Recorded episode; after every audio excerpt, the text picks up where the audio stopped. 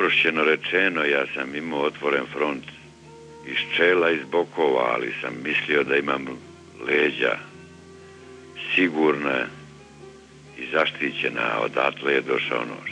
Kada ste bili smenjeni, druga polovina 80. godina, tada nije bilo šanse ni da progovorite javno, ali posle je bilo drugačije.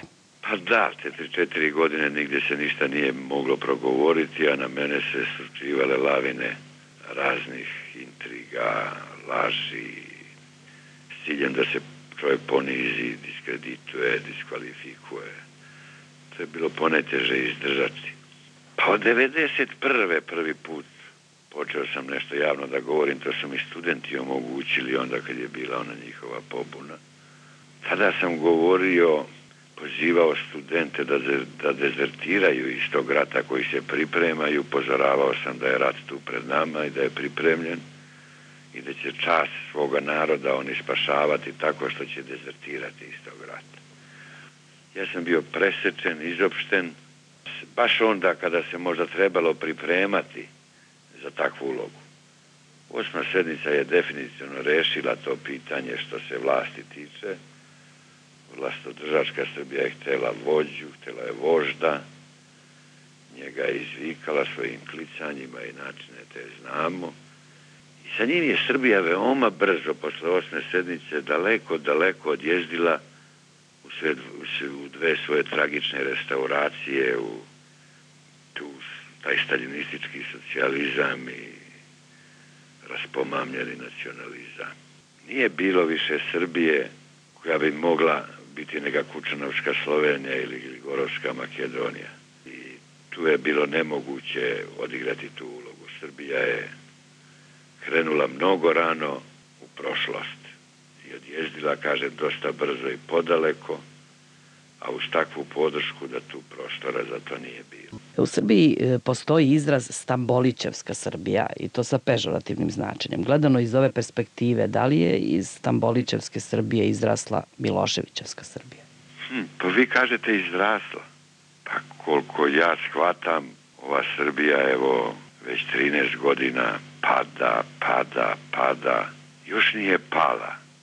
Još dno nije udarila. Pa moralo bi biti da je ona bila visoko, majku. To duše deo srpske kulture su prevrati, kod nas se sve prevratima događa. Pa je ovo bi jedan prevrat koji je treba da bude negacija prethodnog do kraja, ali to je jedna regresivna, mutantna destrukcija i to je ta to vraćanje unazad tragično, dramatično koje nas dovelo na ivicu opstanka i zaista se moramo pitati da možemo i kao narod opstati. Tragedija današnje Srbije je u tome što se najvećim svojim delom u početku ovoga što nam se događa bar izjednačila sa vlastitim destruktorom, da kažem. U vaše vreme pokrenuta su e, mnoga krupna pitanja vezana za e, položaj Srbije, za položaj autonomnih pokrajina u okviru Srbije.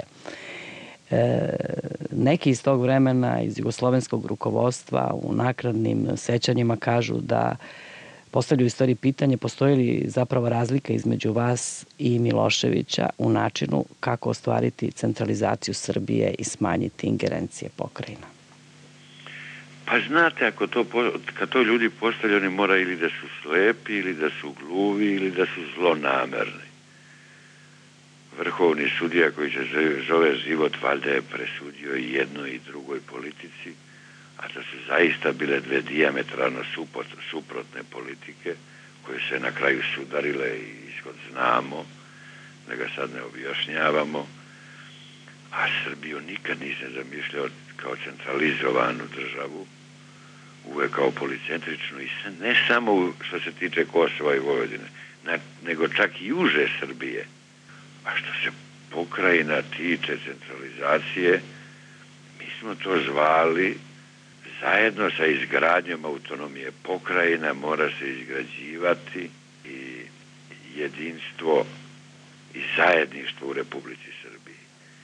Mi smo to radili rasprave, uz sporove, uz trenja, dugo, uporno, sporo verovatno trebalo je brže, a smo radili sporazumno, dogovorno, a ta takva politika nazvana oportunističkom u požare pežerativnom smislu, što je teško objasniti, zamenjena je diktatima. Prvo diktat Jugoslaviji, po tome kako to mi hoćemo, a kad smo tom diktatom nju razbili, onda smo diktat pokrajinama i Srbiji kakva ona mora biti centralizovanija nego ikada u svojoj istoriji, više nego sa Milosom i njegovim okružnim načelnicima. Prema tome ne razumem otkud se bilo kakva veza u tome može naći. Na kraju mi smo postigli sporazum o promeni Saveznog ustava u vezi Republike i pokrajina i postigli sporazum u vezi promena Republičkog ustava u vezi pokrajina i Srbije. I to smo postigli saglasnošću i kosovskog i vojvođanskog rukovodstva. I to je obznanjeno kroz moj ekspoze i elaborat u Skupštini Srbije četiri dana pred osmu sednicu. Zašto je to srušeno, zašto su bili i Jugoslavija i javno mnjenje u Srbiji protiv tog sporazuma u stvari svojim ponašanjem, no su bili za sukobe, to moraju drugi na to da ti odgovor, ja ne umem da ga dam. E, sredinom 80-ih Srbija je za neke bila sredina koja je prednjačila u liberalnoj atmosferi, u kojoj su značajna mesta imali mladi liberalni kadrovi, tržišno orijentisani. Za druge, ona je bila sredina u kojoj narasta nacionalizam sa kojim se rukovodstvo ne obračunava. Naročito ovo drugo se odnosi na period e, pojavljivanja memoranduma. Mnogi su mislili da ste vi predvodnik nacionalističke Srbije, a da će se sa njom obračunati Milošević. Da, oni su mislili da će s Miloševićem učvršivati Jugoslavije, graditi socijalizam, a sa mnom će to teško ići. Što su tako mislili? mogu se razne objašnjenja davati, to bi bila preduga priča.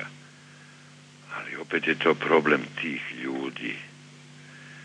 Ja nisam bio anacionalan. Naprotiv. Osjećao sam se da pripadam Srbiji, da radim za tu republiku, da se za njege i njene interese u federaciji borim. Radio sam to veoma uporno, možda sam ponekad precerivao, a sam u glavnim stvarima uspevao i oko Srbije i njenog zaostajanja da nam se to prihvati kao problem i da se to uvaži. Ali ja sam bio veoma otvoren za saradnju sa tih drugim republikama, imao izvaredne odnose sa rukovostima svih republika. E, ta otvorenost možda je smetala, jer sam shvatao da se moje nacionalno podudara u najvećim delom sa srpskim građans, građanskim građanstvom, a smatrao sam Jugoslaviju najvećim interesom srpskog naroda i njegovom najvećom tekovinom i da je treba braniti. Nijedno pitanje i problem koji smo imali nije problem. Nije bio, bilo ratno pitanje i ratni problem. E sad što se tiče samog memoranduma, to je tačka našeg definitivnog razlaza u Srbiji i uvoda u, uvoda u politički obračun ja i ljudi oko mene vodili smo se oko memoranduma što me dan danas ne prestaje obsluživati koji uprko životu i činjenicama njegovim dalje hoće da ga brane optužujući mene da sam ja to nešto minirao. Ja sam vodio boru protiv memoranduma i srpskog nacionalizma Milošević i od te iste borbe se povukao on je nije hteo da učestvuje. I od tada dalje na političkoj sceni javno potpuno je jasno svakom političkom čoveku bilo u čemu je sukob i oko čega je sukob. A što će se oni opredeljivati tako ne znam. Izgleda, to su personalni razlozi, oni su bili izgledani, to je bilo nešto, nešto u politici nezdravo uvek, vi govorite, pretpostavljam, i o e, jugoslovenskom rukovodstvu i ponašanju jugoslovenske da, da, rukovodstva u vreme. E, da čujemo kako ste u knjizi Put u bespuće opisali dve situacije. E, obe su zapravo 86. godina, sednica predsedništva Jugoslavija zbog dolaska Srba sa Kosova ispred Skupštine u kojoj se raspravljalo tada o Kosovu. Drugi insert je takođe e, scena iz tog perioda. Da čujemo.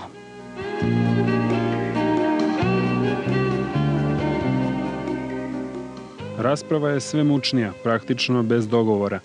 Zaključujući sednicu, predsedavajući Lazar Mojsov, do koga sedim, došapne mi da su svi prisutni uvereni kako sve pohode Srba sa Kosova organizujem upravo ja, te da sam ja jedini koji ih mogu sprečiti. Zaprepašćen pozivam stenografe da ostanu, a učesnicima sednice uz odobrenje Mojsova ponovim to što mi je on upravo rekao. Zatim povišenim glasom držim neki nervozan govor o nemogućnosti saradnje uz takvo nepoverenje, takve insinuacije.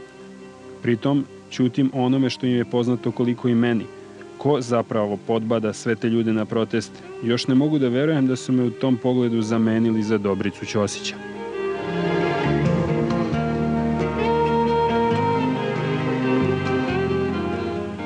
Dakle, ulazim i prvo što vidim. Joža Vrhovec sedi na pisaćem stolu, klati nogama i dobacuje zlurado, trljajući dlanove. A sad, a sad Ivane, šta ćemo sad? Pukne mi film, te se na njega izgalamim. Sedam pored mamule. On mi odmah kaže da je veoma dobro, čak značajno što sam ovako besno reagovao i dodaje. Ako ovo do ponoći ne rašistiš u parku, sve će se tebi obiti o glavu. Ne gubi vreme, radi to kako znaš. To veče predsedništvo Socijalističke federativne republike Jugoslavije kao i u toku dana zaključuje da predsedništvo Srbije, čiji sam ja predsednik, ima obavezu i odgovornost da situaciju sredi i raščisti. Odlazim na drugu stranu parka u svoju kancelariju. Sazivam rukovodstvo Republike. Informišemo o sednici predsedništva Jugoslavije, a Lalović o tekućim zbivanjima. Ponovo naglašavam da je ulica domaći teren i šansa samo za nacionaliste, da nam oni samo na ulici mogu preoteti narod, da će sa ulice krenuti na nas, da ne smemo dozvoliti da se vlast brani silom i tako dalje. Iznenadi me Milošević upadicom. Zašto se ti toliko bojiš ulice i naroda? Ne bojim se ja naroda, no onih koji sa narodom mogu manipulisati, kažem. Mi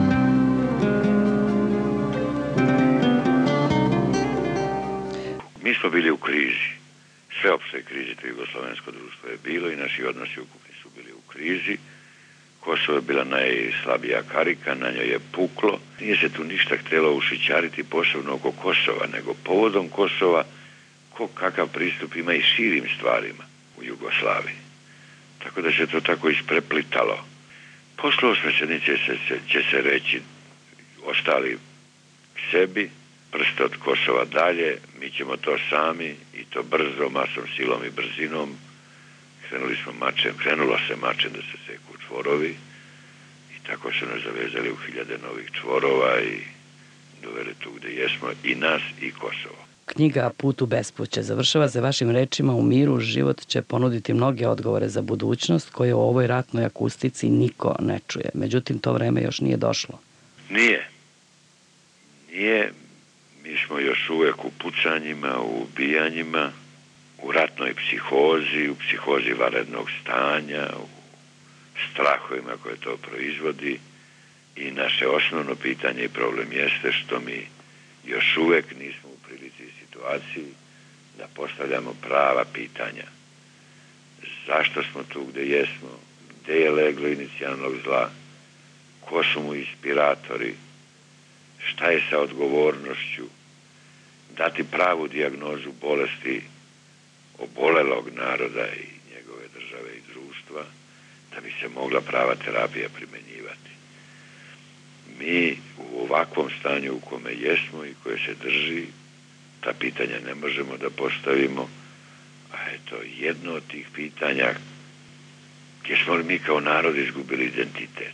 Znamo li ko smo, gde smo, s kim smo, ko su nam susedi, gde su nam granice, kako nam se dogodilo da 11.000 kvadratnih kilometara teritorije se uzme, a mi govorimo o suverenitetu, o da 50.000 strani vojnika tamo dođe.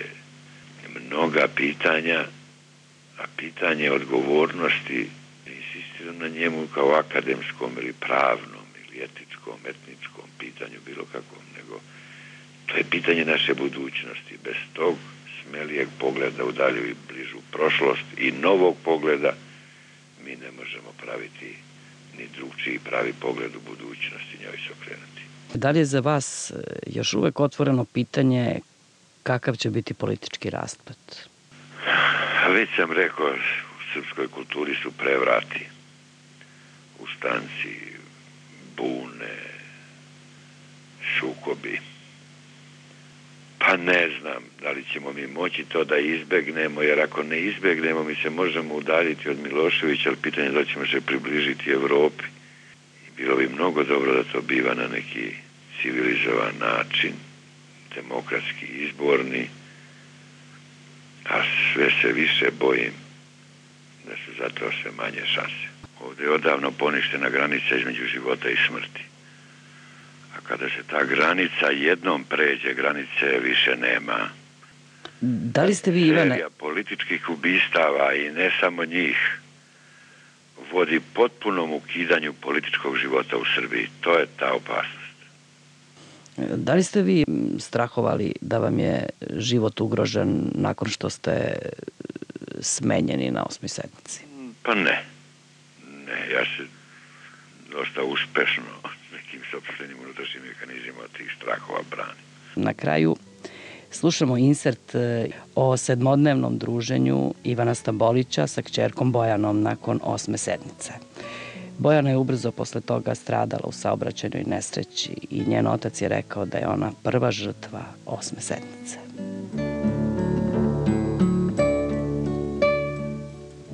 Nas dvoje smo tada u Miločeru, uprko svemu ili baš zbog svega, proveli sedam dana, naših najlepših sedam dana. Iznenadno mi otkriva da mi stalno već godinama piše pisma, ali mi ih ne šalje. Tako ona sa mnom razgovara. A sada je odlučila da mi uruči samo jedno u kome piše zašto me toliko voli i zašto se sa mnom ponosi. Nije mi dozvolila da ga čitam pred njom. Jedno divno i dirljivo pismo. Koliko mi svoju decu malo znamo kako mi je samo zrelo i slikovito pričala o svojoj ljubavi. Ovo sedmodnevno druženje u Miločeru i naše priče o politici, meni i šta i kako dalje, završili smo njenom gotovo ultimativnom molbom, čak i nekom vrstom ucene, da ostavku nikako ne smem podnositi. Neka te sloba smeni. Obećao sam da će tako i biti, jer imala je prave razloge i argumente za to što je od mene tražila. Kao što se zna, nisam je izneverio, bar ne u tome.